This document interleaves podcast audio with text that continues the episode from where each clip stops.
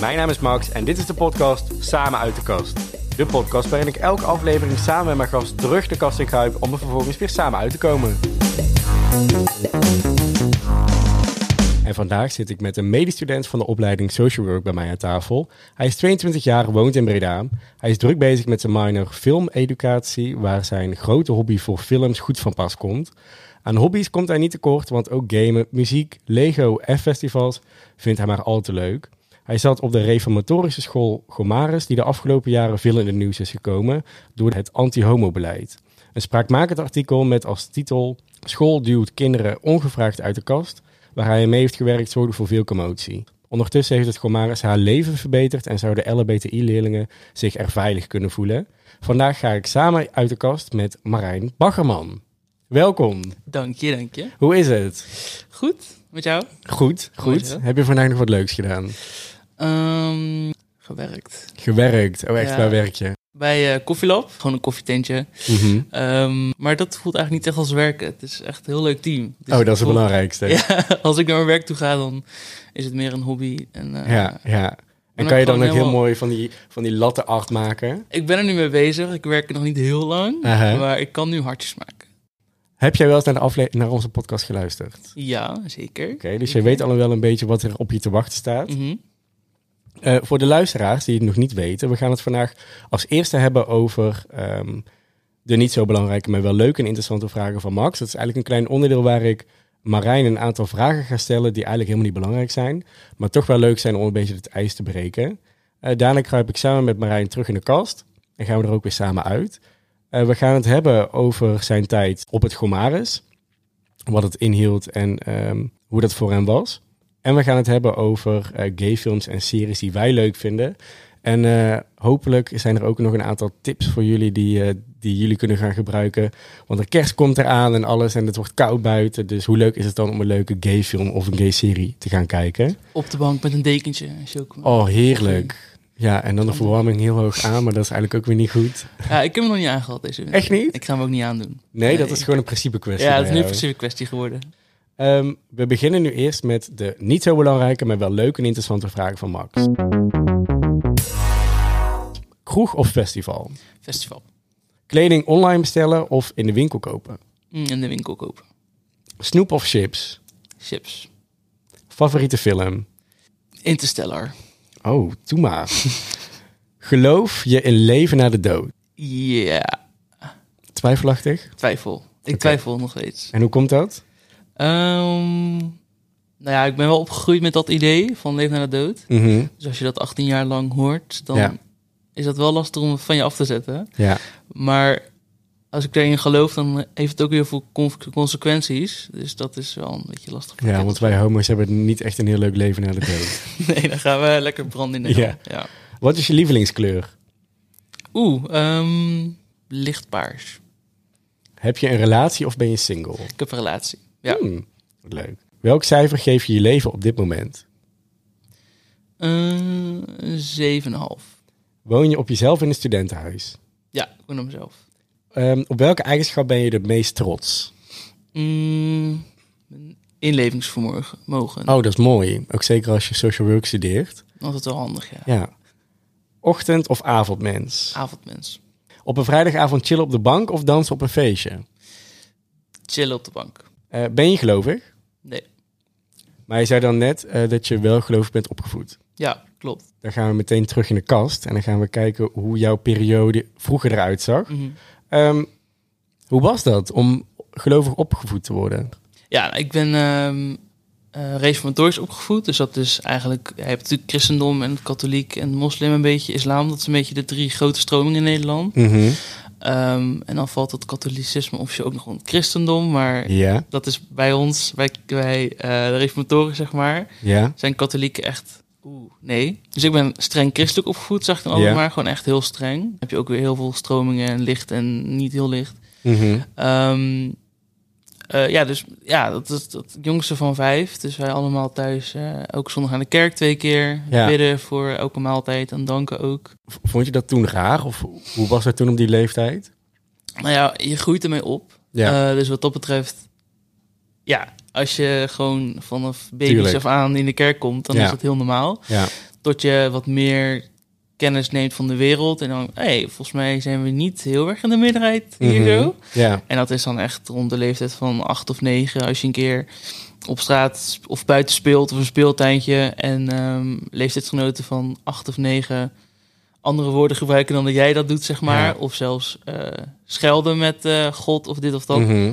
En dat wordt thuis echt heel erg verboden, zeg maar. Ja, Omdat ja. je daar dan in geloofde. Tuurlijk. Eh, tot, tot je niet echt zelfbewust wordt, is het eigenlijk heel normaal. En dan Ja. word je 12, 13, 14, Ja. zoiets. En dan ga je ook naar school en dan ga je wat meer over jezelf leren.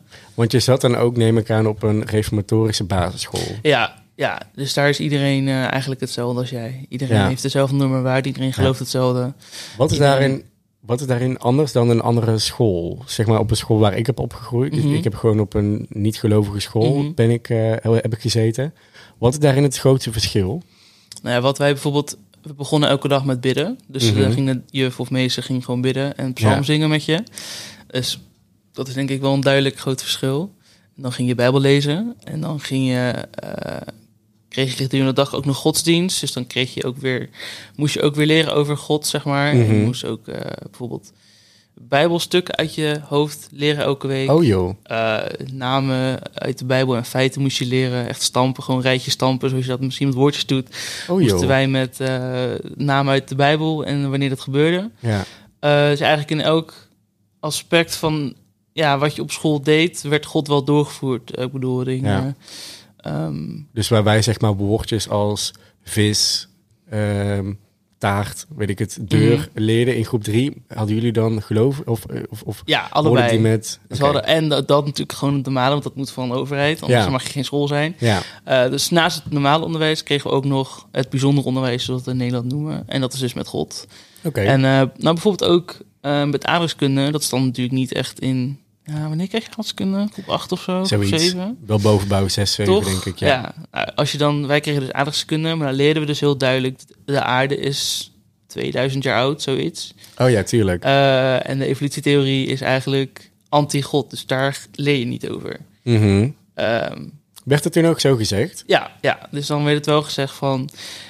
De CITO-toets is natuurlijk landelijk. Ja, precies. En in de CITO-toets, dan werden we voorbereid. Dan zei- dan zeiden de, de meesters of juf, die zeiden van... hey, luister, wij geloven niet in de evolutietheorie als school... Mhm. maar we moeten van de overheid jullie Ja. dit leren... want jullie krijgen een CITO-toets. En daar Mhm. kan het zomaar zijn dat jullie een van deze vragen krijgen. Ja. En dan werd er ook nog een beetje van... oeh, Ja, ja, ja. vragen over de evolutietheorie, weet je wel. Van oeh, dat is echt Dat heel zonde, mag, dat het mag. Ja, Dus, maar we hebben heel beperkt over geleerd. oké. Ja. Ja. Dus in die zin had je natuurlijk wel een andere opvoeding dan de meeste andere jongeren in Nederland. Ja, Op welke leeftijd kwam je erachter dat je misschien wel homo was? Of dat je misschien anders was dan andere jongens in je klas? Mhm. Ja, je moet je voorstellen, je groeit op in zo'n bubbel. Want iedereen die je van school kent, ken je ook van de kerk. En iedereen andersom. Ja, Eh, en dan ga je naar de middelbare school. Ook een streng reformatorische middelbare school... waar iedereen weer hetzelfde dacht. Mhm. En dan inderdaad word je wat ouder, 12, 13. Dan krijg je in de puberteit. Dan ga je Ja. sowieso al twijfelen over alles en Ja. over jezelf. ja, ja herkenbaar. ja, toch? Je gaat je vergelijken met iedereen. dat is gewoon gezond. Ja, precies. En ehm, wat vroeger heel normaal was, bijvoorbeeld, ik speelde altijd met meisjes. En ik had bijvoorbeeld zo'n enorm Playmobil prinsessenkasteel. Oh ja, Maar ja, ik vond dat gewoon normaal, want ik vond, gewoon, ik vond het leuk, weet je wel. Mhm. Het was niet... En ik kreeg dat ook van mijn ouders. Daar vind ik nog steeds heel verbazing, maar goed, prima. inderdaad. Dat is wel ja, bijzonder. Dat, daar, lieten me wel echt met meisjes speelgoed spelen, zeg Oké, maar. ja. Ehm, maar goed, dan ga je wat meer vergelijken met andere jongens uit je klas. En die zijn dan, "Huh, voetbal! Mhm. En Pakketje. Je En, pakketje eh, ja. en stoeien en eh, nou, weet ik veel, Mhm. auto's spelen. Eh, dat was totaal niet mijn interesse. Dus daar kwamen wel de eerste scheurtjes in mijn eigen eh, zelfverzekerd van wat is aan de hand? Ja, waarom vind ik dat niet leuk? Ja, waarom Ja. vind ik dat niet leuk? En nou, dan word je ook in de puberteit, ga je natuurlijk wat meer eh, ook met seksualiteit en zo Mhm. eh, nadenken. Nou, dan krijg je de eerste relaties wel van die kalverliefdesrelaties, weet je wel, En dat de waren, klas. wa- was het met een jongen of met een meisje? zeg maar. Van oh, dat bedoel dus je. Ik zelf, ja. ja.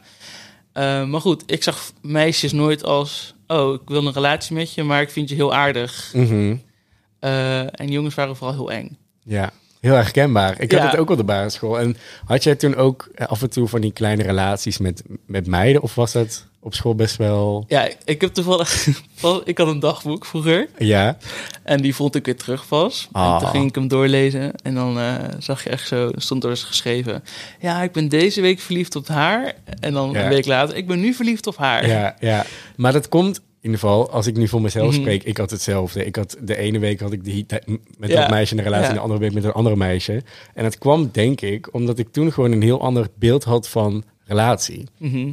Ik dacht, ik vind dat meisje gewoon hartstikke leuk om mee te spelen. Ja. En in mijn gedachten was dan gelijk, jongens horen dus een relatie te hebben met meisjes. Dus, oh, oké, dan heb ik een relatie met haar. ja herkenbaar. Zo was het voor mij. Het was Ja. eigenlijk heel zwart-wit. Het was gewoon, oké, Ja, ik vind een meisje aardig. Nou, dan heb ik dus blijkbaar ben ik verliefd op jou en heb ik nu een relatie met jou. ja was herkenbaar. het ook zo bij jou? Ja, zeker. En achteraf heb ik toen ook wel, rond die leeftijd, 13, 14, werd ik ook wel verliefd op jongens uit mijn klas. Maar dat zag ik toen als, oh, ik vind hem gewoon heel aardig. Maar ik Ja. vind andere jongens niet aardig, maar hem vind ik wel heel aardig. Ja, Eh, maar het woord homo kende ik nog niet daar. nee. Ehm, totdat, en dus ook terug de uniteit in de eerste klas, eh, nou, misschien in de eerste paar maanden, eh, dat je door de gang liep en er werd opeens homo geschreeuwd door Oh, minderjaars, dus Ja. een jaar, vier jaar, vijf.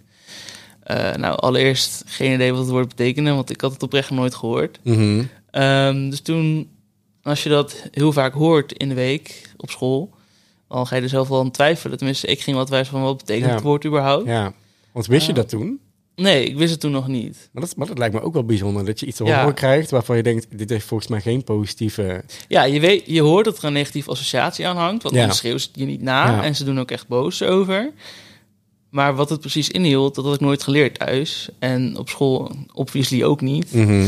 Eh, want de seksuele voorlichting die we kregen, dat was eh, ja, heteronormatief en Klopt. eh SOA's. Ja, Punt. ja. Eh, maar goed, toen ging ik het thuis googelen. Mhm. En toen, we hadden thuis ClickSafe. Dat is zeg maar een filter Ja. van een christelijk bedrijf, reformatorisch bedrijf. Wat alle informatie die volgens hun niet geschikt is voor je Mhm. filteren. Dus gewoon, dan blokkeren ze de website gewoon letterlijk. En, dan, en wat kreeg je dan te zien? Dit is gewoon die band. Ja, dan krijg je dus eh, te zien van, eh nou, ClickSafe, deze site is geblokkeerd eh, om deze en deze redenen. Ja, En dan allemaal letters en cijfers. ja, ja, dingen waar je eigenlijk niet op Ja. zit te wachten, want je wilt gewoon iets googelen. Ja, precies. En kwam je er toen pas achter dat het zeg maar ook echt heel erg was wat je aan het Ja. opzoeken was? Ja, toen kwam ik dus pas achter. En toen eh, vond ik op een gegeven moment een soort tussenpaadje. Want mijn zus, die was al uit huis. Die had Mhm. gewoon een gezin. Die, en die had geen ClickSafe. Oké. Eh, dus ging ik een keer naar mijn zus. Mhm. En toen ging op YouTube gewoon het woord homo googlen, zeg maar. Of Ja. ja, YouTuber zoeken. Mhm. Eh, ja, Nee, ik snap wat je bedoelt. Ja, ja, en dan ja. kom je al die video's tegen. Van, Ja. Oh, hè? Twee jongens of Weet je nog wat voor filmpje je toen zag? Ja, van die, van die gay short films, weet je wel. Of, eh, of heel veel coming-outs van YouTubers. Bijvoorbeeld Mhm. Conor Frenta, die ik toen volgde. En Ja. heel veel van die... ehm, hoe heet hij nou? Troy Stefan, weet je wel, die coming-out video's. Mhm. Nou, die ging toen bingen en kijken. Ja. En iedere keer als ik bij mijn zus was, ging ik op YouTube. En, eh, want het was echt een eindeloze stroom van nieuwe informatie, nieuwe filmpjes... Ja. waar ik nog dan toe niet over na had gedacht. Of Mhm. nog nooit had gezien. En wat deed dat toen voor jou? Toen je zeg, zeg- maar zag van, er ging eigenlijk een hele wereld voor je open. Ja, Wat was het Eh, gevoel wat je daarbij kreeg? allereerst wel toch een soort van herkenning of zo. Mhm. Van, oh, dus als je een jongen heel aardig vindt, kan het ook zomaar zijn dat je hem leuk vindt of verliest. Of Ja. dat je een crush op hem hebt. Ja. Eh, maar ik linkte dat nog niet direct aan mezelf op een of andere manier. Het voelde nog heel erg eh, van ver van mijn bedshow of zo. Waardoor kwam dat, denk je?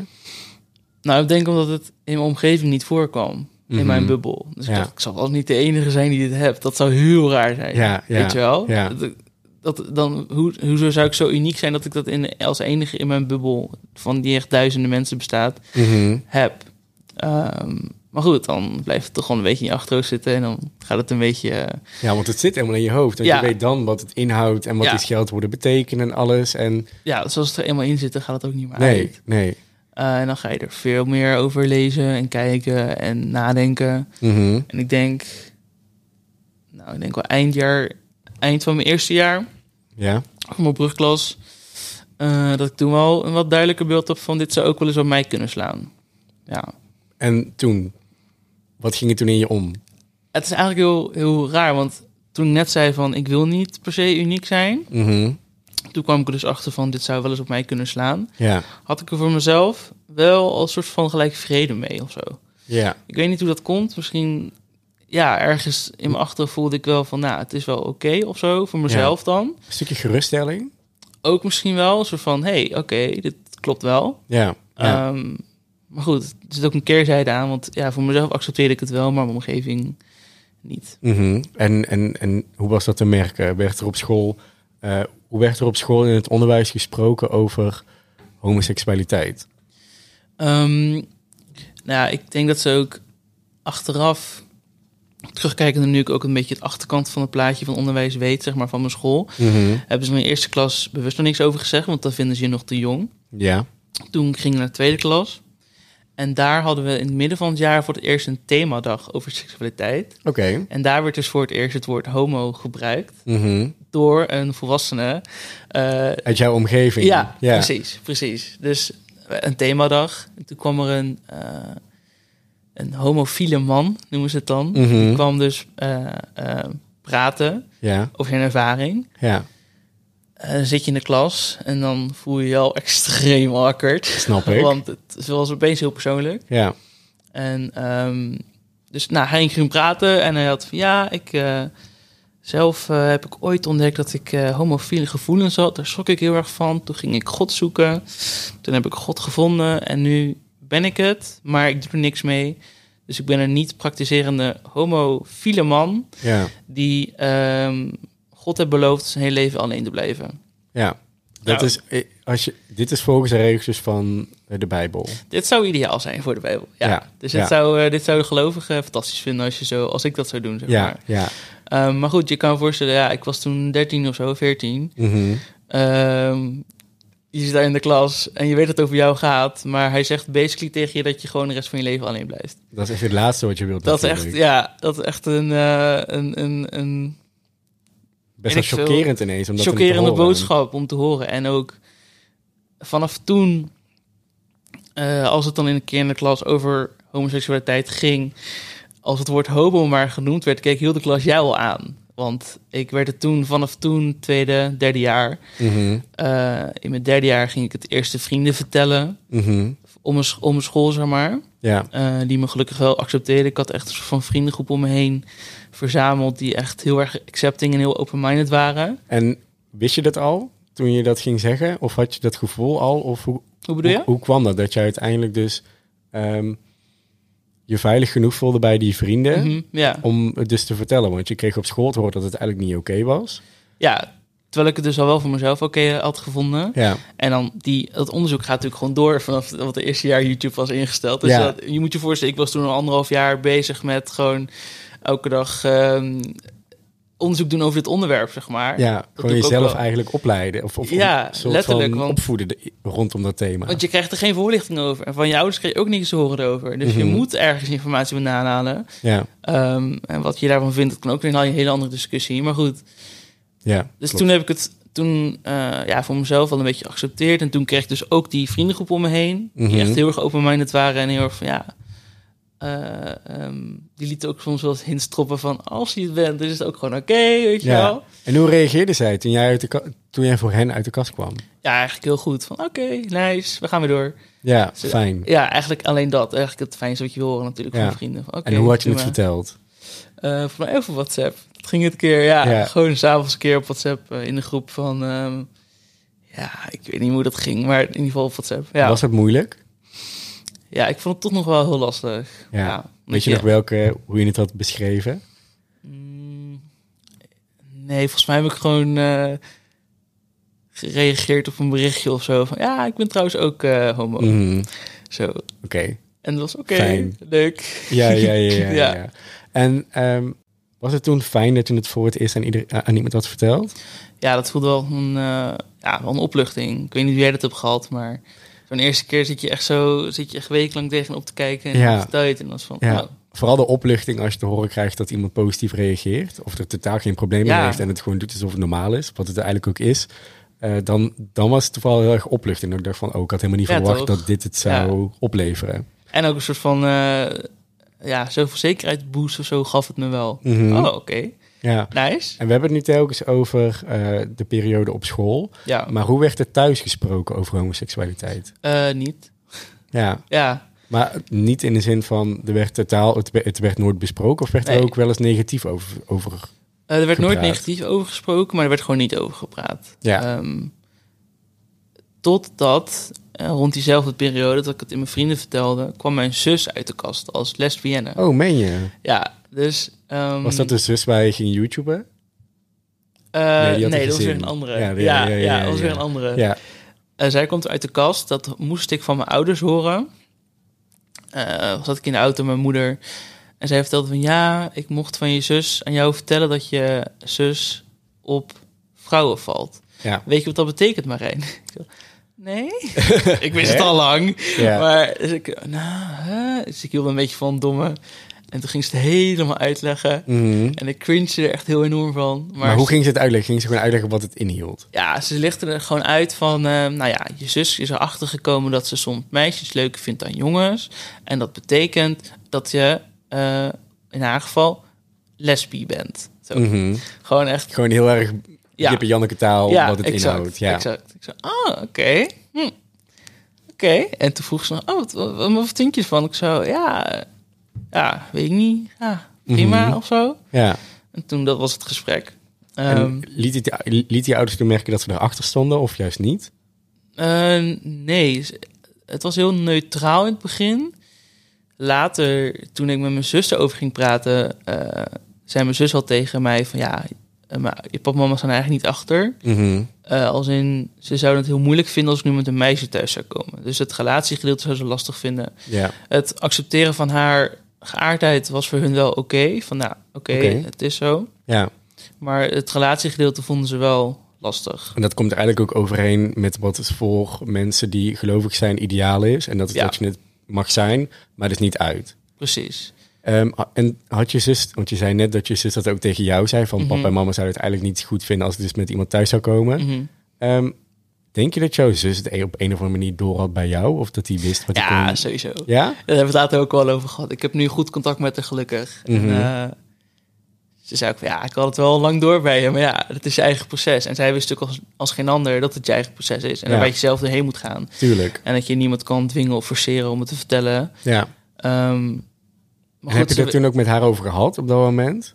eh, ze dropte wel wat hints van, van als je het bent, zou het oké zijn. Ja. Ehm, maar ik vond het heel lastig om het te vertellen, omdat ik bang was dat zij mij ging dwingen om het bij mijn ouders te vertellen. Ja. Ik weet niet waarom, maar ik was dus bang dat als ik het haar zou vertellen, dat zij zou zeggen: Oh, maar dan, dan moet je het ook tegen mama zeggen, want je hebt Ja. het tegen ons, tegen mij gezegd. En waarom was die grens groter bij je ouders dan bij je zus? Nou ja, omdat mijn zus het zelf ook is. Tuurlijk. Eh, Logisch, ja. En ja, mijn, al mijn broers en zussen eigenlijk heel verrassend genoeg waren open-minded. Nog Mhm. steeds. Eh, dus ondanks dat ze allemaal heel erg christelijk opgevoed zijn, zijn mijn broers en zussen allemaal heel erg, ja, gewoon Oké met al. er oké met-. Ja, Ja. ja. Fijn. ja, heel chill. Maar je ouders is wel je die goedkeuring van wilt hebben of zo. Mhm. Het is fijn als je die van je broers en zussen krijgt, maar uiteindelijk eh, wil je dat altijd toch ook nog van je ouders ergens horen. Ja. En dat kreeg ik niet te horen. Dus nu is je zus uit de kast gekomen en heb je dat Ja. tegen wat vrienden verteld? Ja, Hoe ging het toen verder? ja dus was in derde klas, denk ik ongeveer inderdaad. Ehm, en doordat ik dus echt wel een beetje een zelfverzekerheidsboost kreeg door die vriendengroep, zeg maar, Mhm. durfde ik ook wat opener te zijn op school over. Dus bijvoorbeeld af en toe... ehm, ja, gewoon subtiele hints of Instagram... Of, of dat je het gewoon dat je er wat opener over was, gewoon Ja. het onderwerp. Ja. En toen ging het eigenlijk heel snel, als lopend vuur door heel de school heen. Van, "Oh, heb je toch gehoord? Ja, ja, ja. Marijn is homo. Ja, en Ja. toen, ik voelde me ook echt als de enige op school. Dat was echt zo. Ehm, eh, ja, toen ging het heel snel door de school heen. Ehm, en dat was ook de periode ongeveer waarin ehm, uit die vriendengroep ook nog iemand uit de kast kwam. Een meisje. Ehm, Tegenover jou? ja, dus Ja. ook gewoon in de vriendengroep. Ja. eh, Mees. En ehm, dus we waren een soort van samen de, de ruilnichten van de school. Zo, Mhm. zo zag iedereen ons echt, terwijl we eigenlijk gewoon normaal deden. Ja. Ehm, en toen ging het opeens wel heel snel. Werd het pestgedrag toen ook groter? Ja, omdat we ja, ze hadden nu wel een heel duidelijk beeld van ons. Van, oh, dat zijn dus twee homo's. Dus heel die vriendengroep is gay. Dat dachten ze zo. Nou, Ja. dat was sowieso Ja. al bullshit, maar dat dachten Ja. ze dus. Hoe was dat voor die vrienden van jou? Die dus Ehm, niet homoseksueel zijn. Ja, vonden ze niet zo heel erg. Ze vonden het eigenlijk wel leuk dat ze een beetje aan het rellen waren. Ja. Ja, dat, het is ook wel een beetje die leeftijd, denk ik. Als je dan 15, 16 bent, dan eh, ja. ja. Juist een beetje tegen draad. een beetje tegen het systeem aanschoppen. Dat, Ja. dat, we, daar waren ze allemaal wel van. En toen werd ik het ook wat meer van, oh ja, het is, het is ook wel oké. En ik kan ook wel prima tegen het systeem aanschoppen. Mhm. Ehm, en toen ging het wel redelijk mis op school. Vertel. Eh, toen is ehm, dat eentje uit die vriendengroep, een meisje, Ja. en nog een ander meisje en een vriendin van haar ehm, zijn in dezelfde week eh, door de schoolleiding op het, in een kamertje geroepen, los van elkaar, zeg maar. Ja. Nou, kamertje ging op slot. Ouders werden, werden, waren al gebeld, stonden beneden. Mhm. Toen ehm, was eigenlijk de boodschap: oké, je gaat het nu tegen je ouders vertellen dat je op meisjes valt en Oh, tegen joh. ons. Ja. En als je het niet doet, dan eh, doen wij het. Nou ja, En dat, maar dat gold toch alleen maar voor jou zo, samen met Mees? Dat jullie... nee, want Mees, die was toen, toen uit de kast. En toen kwam een ander meisje bij Mees uit de kast, alleen. Dus alleen. Mees wist van haar. Ja. En de vriendin van Mees, die wa- was ook op school. Oké. Maar die zat niet per se, die zit een beetje half in onze vriendengroep, half wel, ja, half niet. Ja, ja. Ehm, Dus die drie die werden uiteindelijk Ja. op een matje geroepen. Ja, terwijl alleen Mees het tegen de haar mentor had verteld. Dus die anderen wisten het niet eens. Mhm. Dus dat heeft de mentor echt doorverteld aan school. En toen heeft school hun dus uit de klas gehaald. Ja, Terwijl niemand er nog van wist. Zelfs ik niet. ja.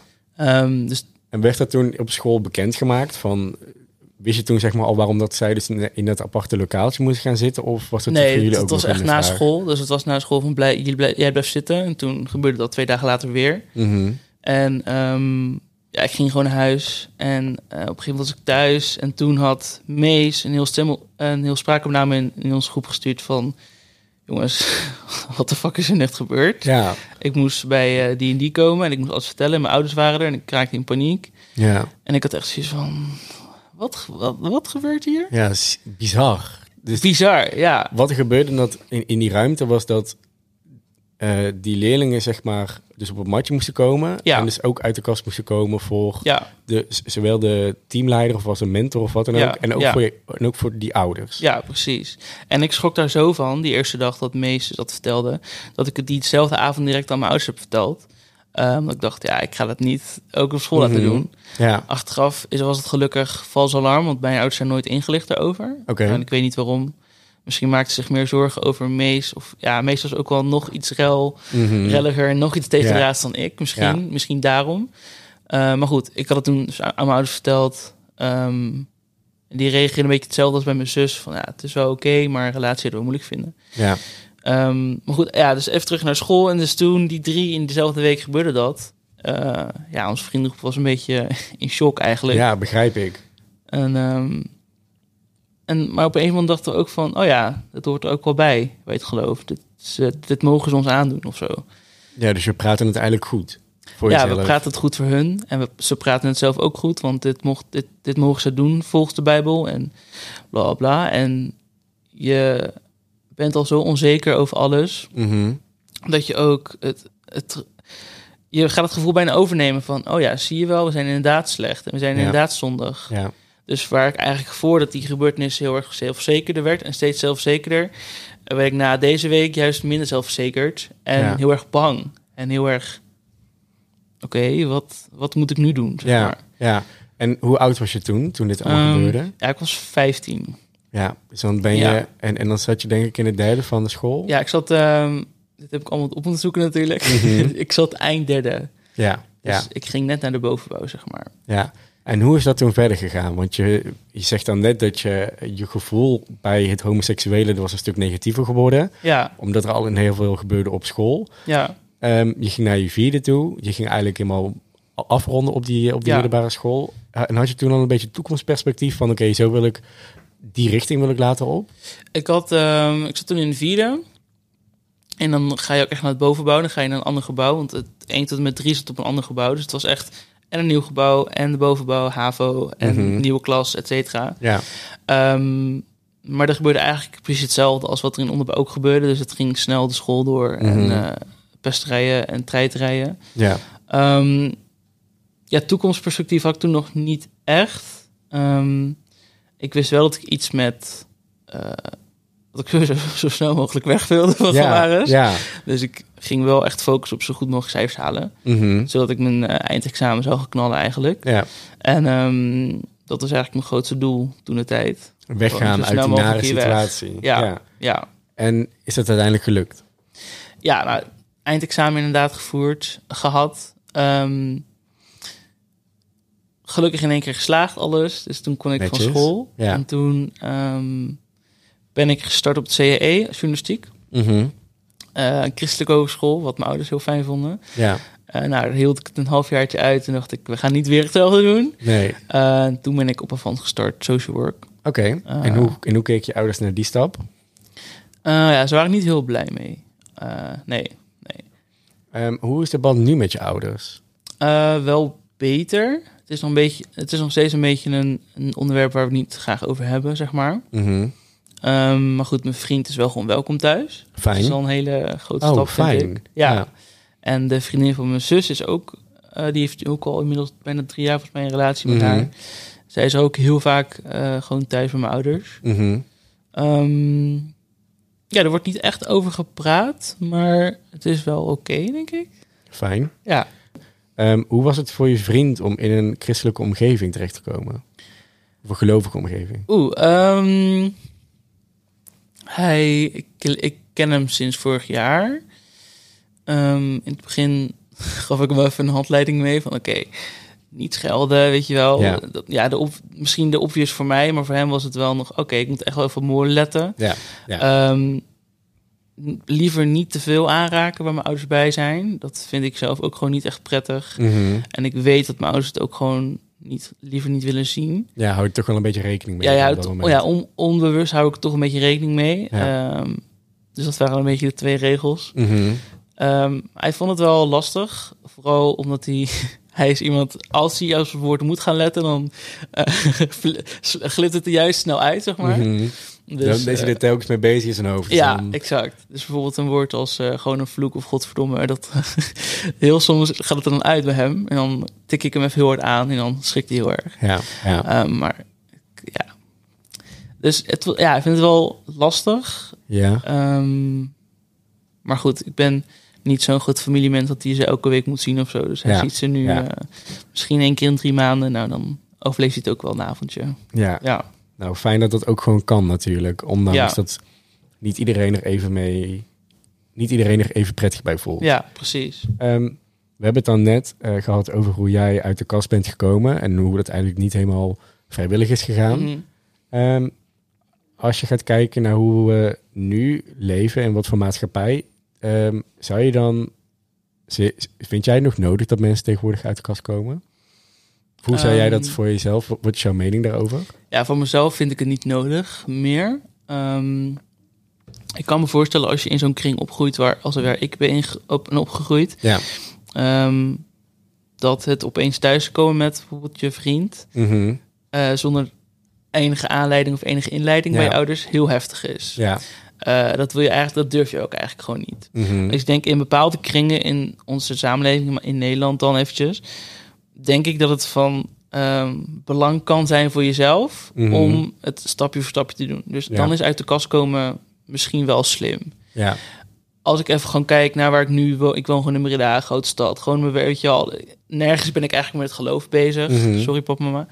Ehm, eh, vind ik het eigenlijk niet nodig. Ja. Je, ehm, en ik denk ook wel dat mensen het snel genoeg, snel genoeg doorhebben. Ja. Zeker als je het toch over je partner hebt of over... nou, ik heb een vriend. Ah, oké, weet je ja. wel. Dat is eigenlijk al Dat een soort coming out. Maar... Ja, maar zo zie ik het dan niet. Want je- ja, als je gewoon over hebt, dan zeg je... Mhm. Ja, ik heb een vriendin of een vriend, weet je wel. Ja. En ik probeer er wel op te letten. Dus bijvoorbeeld als ik het aan iemand anders vraag... van heb je een vriendin of vriend? Mhm. Eh, dat vind ik gewoon heel netjes. En dat vind ik gewoon heel normaal. Netjes, ja. Ja. En... eh, ja, dus ik vind het niet nodig, maar in sommige gevallen is het wel slim. Ja. Ja. Ja. Dus je zegt eigenlijk ehm, dat je het zelf eigenlijk ook soort van toepast in je eigen... Van, ik, ik, ik, ik ga er niet vanuit dat mensen zomaar uit de kast komen voor mij. Maar Ja, ik wil het wel een bepaalde op mijn vraagstelling wel zo inrichten dat ik ehm, de mogelijkheid kan bieden, Ja. zodat iemand het makkelijk voor mij uit Ja. de kast kan komen. Dan toch ja heel exact. En ik denk ook wel dat ik inderdaad onbewust altijd wel bezig ben van... hé, hey, ik wil open-minded overkomen en ik wil eh, die anderen het gevoel geven... dat ze alles kunnen vertellen wat ze willen vertellen. Ja, ja. Of het dan daarover gaat of iets anders. Ja. En ik denk dat dat wel... dat het sowieso bij mijn vakgebied, social work, wel... eh, en bij je eigenschap Fijn, die eh, jij ja. zo trots op was. Ja. Ehm, als jij de Marijn, die toen nog op school zat, een tip zou mogen geven met de kennis die je nu hebt, wat zou dat dan zijn?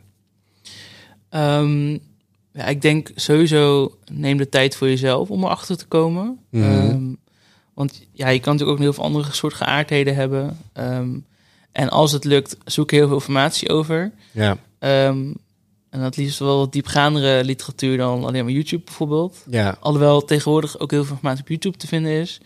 Ehm, maar ja, dus zorg een beetje voor dat je het voor jezelf accepteert. En dan kan eigenlijk iedereen, of ja, niemand je iets meer maken. ja. Eigenlijk is dat het sowieso het allerbelangrijkste. Heb ik zelf Ja. ook gemerkt. Als je het voor jezelf accepteert, en dat is ook wat hoe Paul altijd aan het einde van de Ja, aflevering zegt, ja. van if you can't love, Love yourself, can- ja, Ja, dat. precies. Maar dat, daar gaat het uiteindelijk wel om. Je moet jezelf dat is wel, accepteren. ja, dat is echt waar. Eh, en ja, misschien ook heel cliché, maar it gets better. Eh, dat, dat weet ik nog wel. Dat hoorde ik toen, toen ik die YouTubers keek, die allemaal Mhm. coming-out video's maakten. ja, Die eindigden al hun video's met it gets better, weet je wel, trust me. ja, ja. Eh, en daar heb ik toen heel veel aan gehad van, nou, ik geloof er ook wel in dat het beter wordt. En dat Ja. wordt het ook echt. ja. Eh, het is misschien heel cliché, maar het is wel waar, weet je wel. Dat is natuurlijk ook een beetje wat ik door middel van deze podcast naar buiten wil brengen. En ook ehm, naar die, misschien de jonge luisteraars die nog wel daarmee struggelen. Een soort boodschap meegeven van, kijk we nu hier zitten. Wij zijn allemaal geweest daar waar jij nu bent. Ja, Ehm, en kijk waar we nu staan en hoe we dat hebben gedaan. En, en, en, en zie dat het, nu, dat het ook met ons goed komt. Ja, dus een soort precies. geruststelling of zo. Want als, als ik het kan en als ik, er maar, als ik mezelf kan accepteren, dan eh, kan iedereen het. Ja, mooi. Ehm zodoende dus jouw hele coming out en heel Mhm. jouw gebeuren. En we hebben het natuurlijk al gehad over het Gomares, Mhm. waar jij dus op zat. Ehm, ik, toen ik Gomares ging opzoeken, kreeg ik heel veel te lezen. Eh, zowel over wat jij hebt gedaan bij het Mhm. Gomares, hoe jij er tegenin bent gegaan.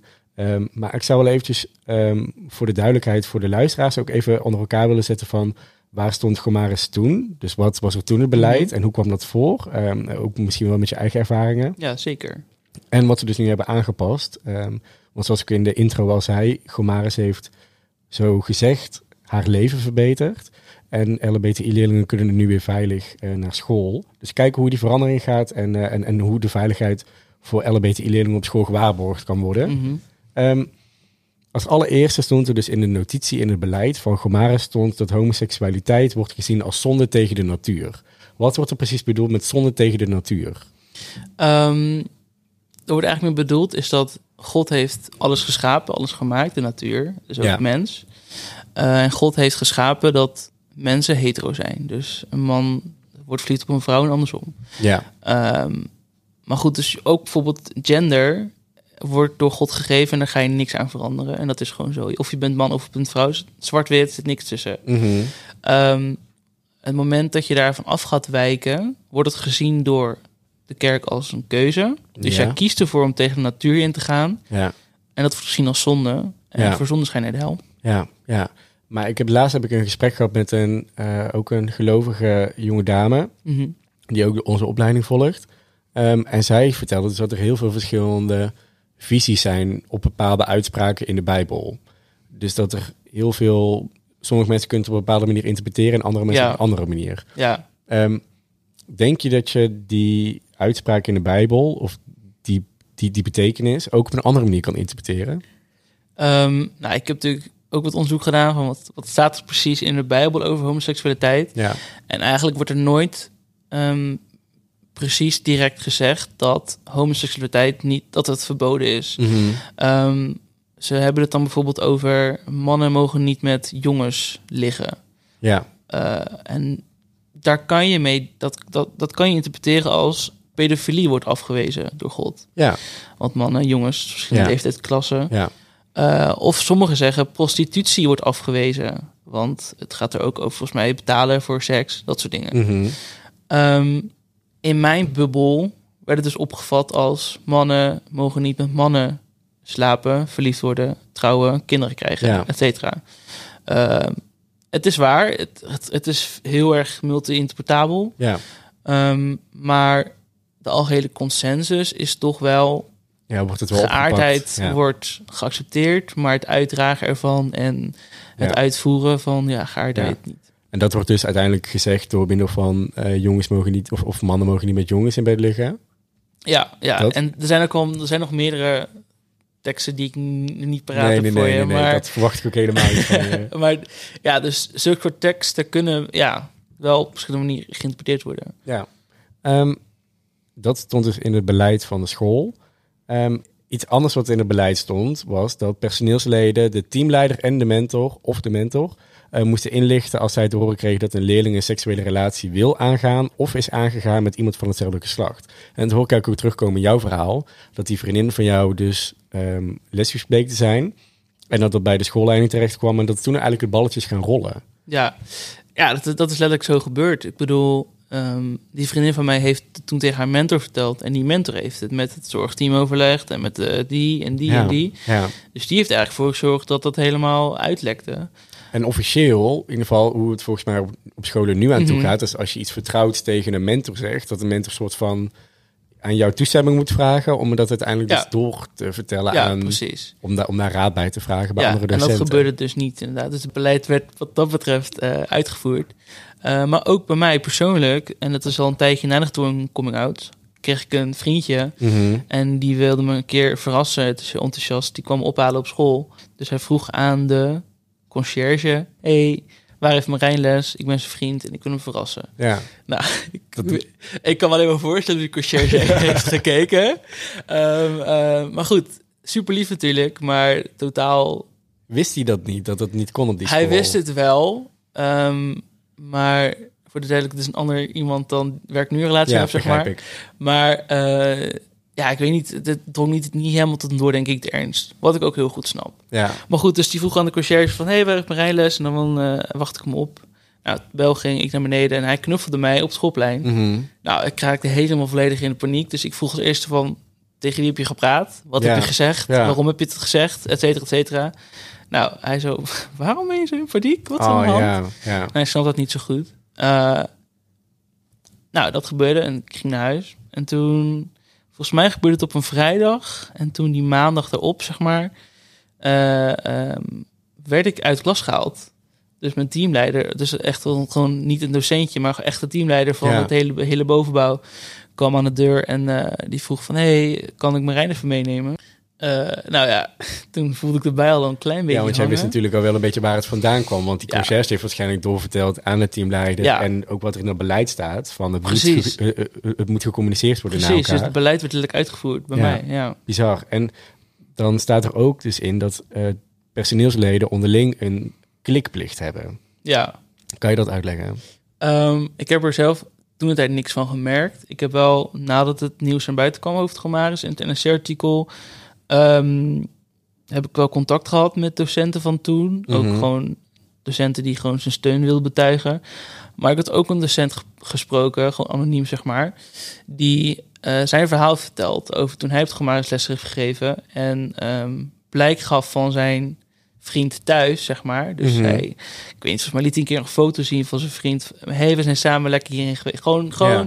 in, de, in, de, in de personeelskamer. Je, gewoon de pauze. heel luchtig. Gewoon heel luchtig. ja. En toen is dat dus doorverteld aan de directeur. En toen is hij op non-actief gezet weg zijn Ja. burn-out. Ja, Nou ja, dat hij, ja, dat heb jij toen na het hele gebeuren, toen ja dat heeft hij dus heb jij dat inderdaad ehm, verteld tegen mij. Nou ja, dan weet je eigenlijk al genoeg. Ja, heel heftig. Wow, maar ja, mij lijkt het ook heel erg knap dat als je de- als docent zijn op zo'n school dan op zo'n moment je sterk genoeg voelt om uiteindelijk te vertellen. Ja, weten dat het eigenlijk niet oké is. En dan gebeurt er vervolgens zoiets. Ja, En wat er eigenlijk wel een beetje op aansluit, is dat de school dus ook eh, leerlingen dus afraadt om ehm, uit de kast te komen. Omdat zij van mening zijn dat jongeren hier niet te sneller moeten handelen. Omdat eh, zij nog volop in hun identiteitsontwikkeling zitten. En mochten ze dat dus wel willen doen, dus wel uit de kast komen, dan zou het dus moeten gebeuren nadat zij hierover in gesprek zijn gegaan met een teamleider of met een mentor.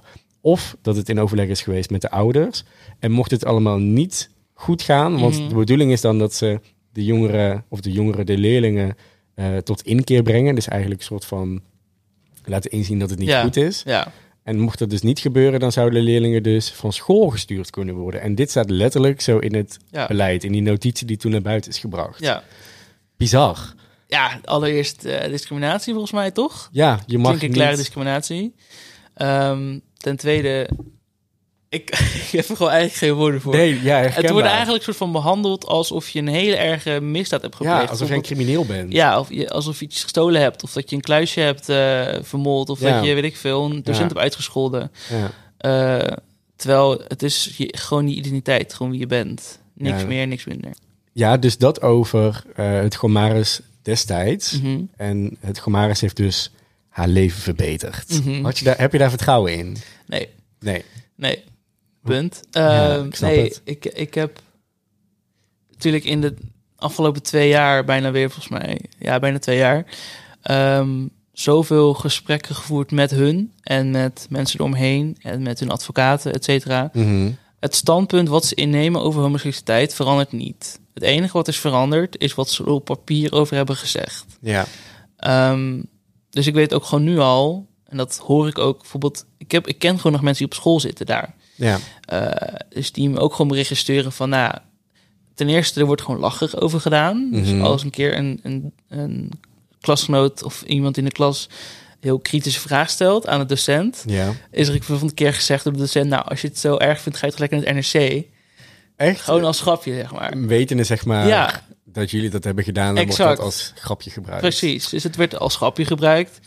Ehm, de klasgenoten zelf voelen zich enorm, of de scholieren voelen zich enorm aangevallen door ons, door de wereld eigenlijk. Mhm. Zie je wel, de wereld is toch niet met ons eens. Ja. Dus we kunnen net zo goed gewoon doorgaan. Ja. Ja. Ehm, uit cijfers blijkt dat ze nu meer aanmeldingen hebben dan eerst.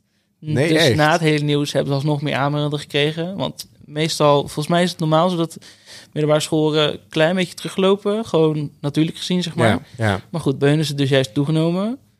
Waardoor komt dat, denk je? Geen idee. Ja, Denk je dat er dus gezinnen zijn die denken, wow, dit hebben ze goed aangepakt. Hier ja wil ik ik mijn denk kind het naartoe wel. brengen. Ik denk het wel. Ja. Ja, ja, als je echt heel reformatorisch bent opgegroeid en je, en, je, en, je, ja. en je bent zo streng christelijk, dan zou het inderdaad een overweging kunnen zijn om Ja. je kind toch wel naar die school kunnen eh, te, te brengen of Ja, te aanmel, aan te precies. Je moet ook kijken van de consequenties voor het beleid niet aanpassen zijn vele malen groter dan de consequenties voor het wel aanpassen. Ja. Stel, ze hadden hun beleid nu niet aangepast, dan kregen ze alsnog een geldboete en werden ze alsnog door het OM vervolgd. Ja, Dus waarschijnlijk hebben de advocaten, want ze hebben ook hele goede advocaten ingehuurd, eh, waar ik ook mee gepraat heb, Mhm. die hebben gewoon, denk ik, weet ik niet, letterlijk tegen hun gezegd van, yo, het is nu gewoon slimmer om het aan te passen, ja. zodat voor de- het gezeur of voor het ja, het moet gewoon af te zijn. En dat de inspectie niks meer kan maken. Dat de OM niks meer kan maken.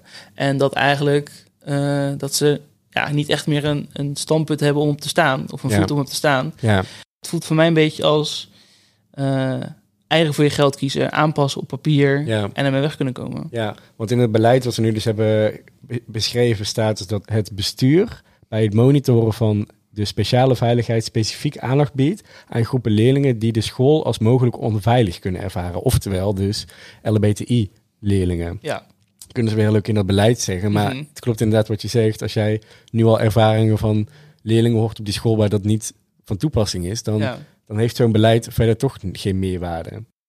Ehm, we gaan het nu om het nog een beetje luchtig af te sluiten, want het is natuurlijk best wel beladen wat er allemaal is Mhm. gebeurd. Gaan we het hebben over onze favoriete gay films en series. Want Mhm. het heeft voor ons, we hadden hiervoor al een beetje een gesprekje, we hebben heel veel overeenkomende films die we wel erg leuk vonden.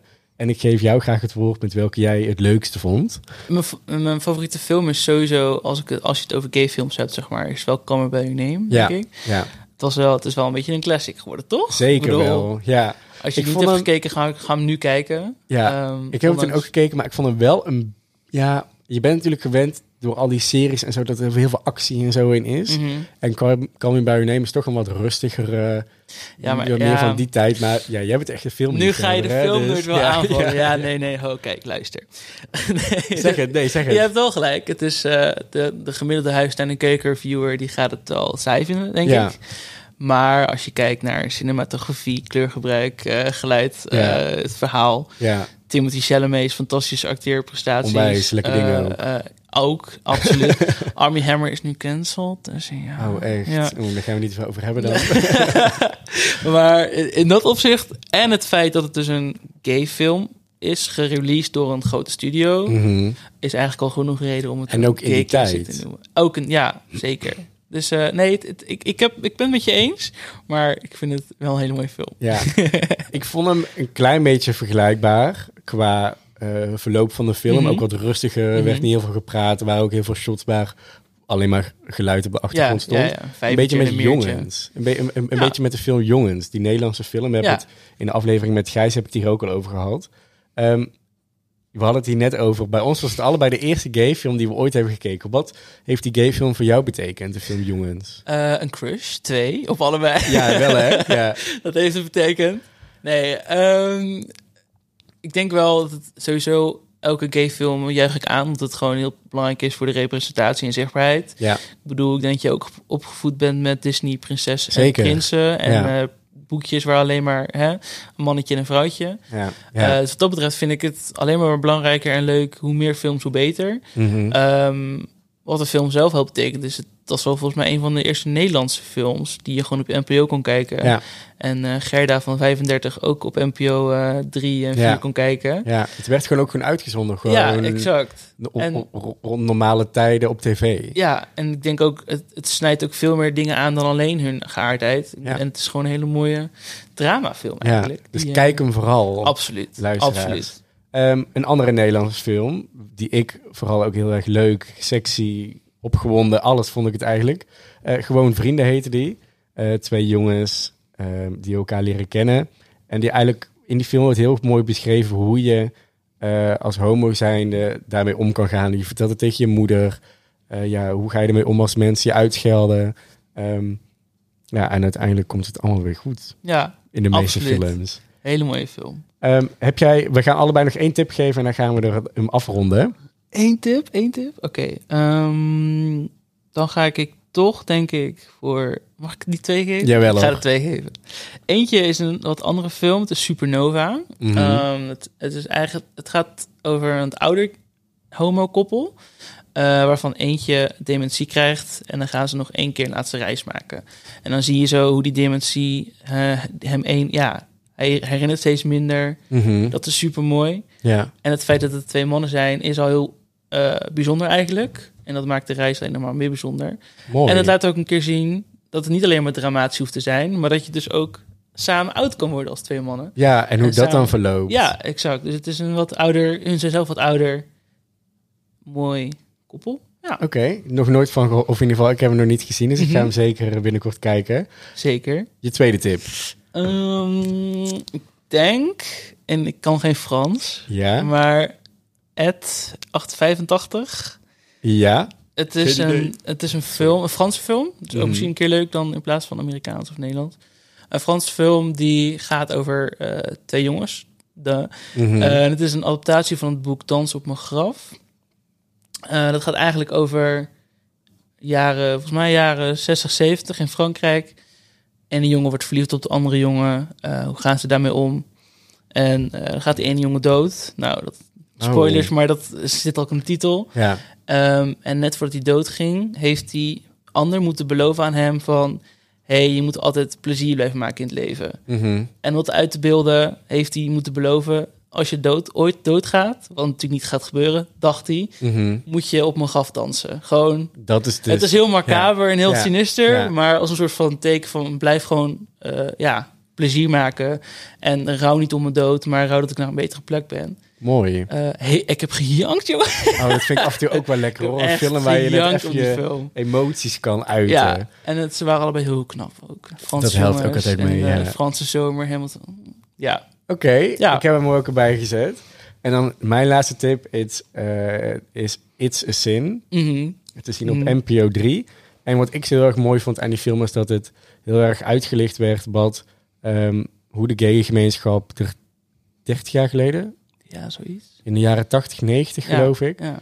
waar HIV net opkwam. En ehm, dat wordt heel erg mooi beschreven in die film. En het was voor mij eigenlijk zo confronterend om te zien hoe dat 30 jaar of 40 jaar Ja. geleden er, eraan toe ging. En dat je denkt, eigenlijk bizar dat het eigenlijk niet heel erg lang geleden is, maar toch zo'n groot verschil is. Ja, vond ik ook. Ik schrok ook. Ik wist ook nog echt te weinig van, van die AIDS- Ja, AIDS-pandemie toen. Ja, En dat ze dus zo moeilijk hadden toen. ja. Ik had, ik had ook in, in die weken daarna van, zometeen krijg ik een keer AIDS. Ga ik Ja, ook dood? ik was ook gelijk spannend. Ja, ik, ging dacht- gelijk zo wat test doen, alles. Ja. Ik dacht, ah. Ja, Ja, maar ik denk dat het ook Nee. voor het stukje kennis, algemene kennis ja van homo, gewoon. Van Ja. de homo-gemeenschap, denk ik wel. Kijk waar zij vandaan kwamen destijds en kijk hoe, ze, hoe, gevochten, hoe erg zij hebben gevochten voor waar wij nu staan. Dat vind Ja. ik eigenlijk ook wel erg mooi dat dat Ja. daar hier naar voren komt. Dus educate yourself en Educate kijk de yourself. films. Eens, helemaal eens. Met dat gezegd ga ik deze laatste aflevering van het tweede seizoen afsluiten. En ik denk dat we echt met een banger zijn geëindigd. We zijn een uur bezig. Dat heb ik nog nooit gehad. Het liep goed. Ik wil jou heel erg bedanken, want je bent heel erg open geweest. En je bent heel erg krachtig in wat je wilt doen en wat je doet. Dus complimenten daarvoor. Dankjewel. Jij bedankt dat ik mocht zijn hier. Geen probleem. En ook de luisteraars bedankt dat ze tot zover zijn gekomen. En dat ze eh, naar deze aflevering hebben geluisterd. En mocht je het nou heel erg leuk vinden, geef je dan alsjeblieft nog eventjes een review op Spotify of op Apple Podcast. En volg ons ook nog eventjes op Instagram, samen uit de kast. En doe dat ook vooral, want daar blijf je op de hoogte van het derde seizoen. En wanneer die komt en hoe die eruit gaat zien. Dus niet getreurd, we gaan niet stoppen. Maar er komt wel eventjes een winterbreak aan. Dus tot ooit. Tot ooit, dankjewel.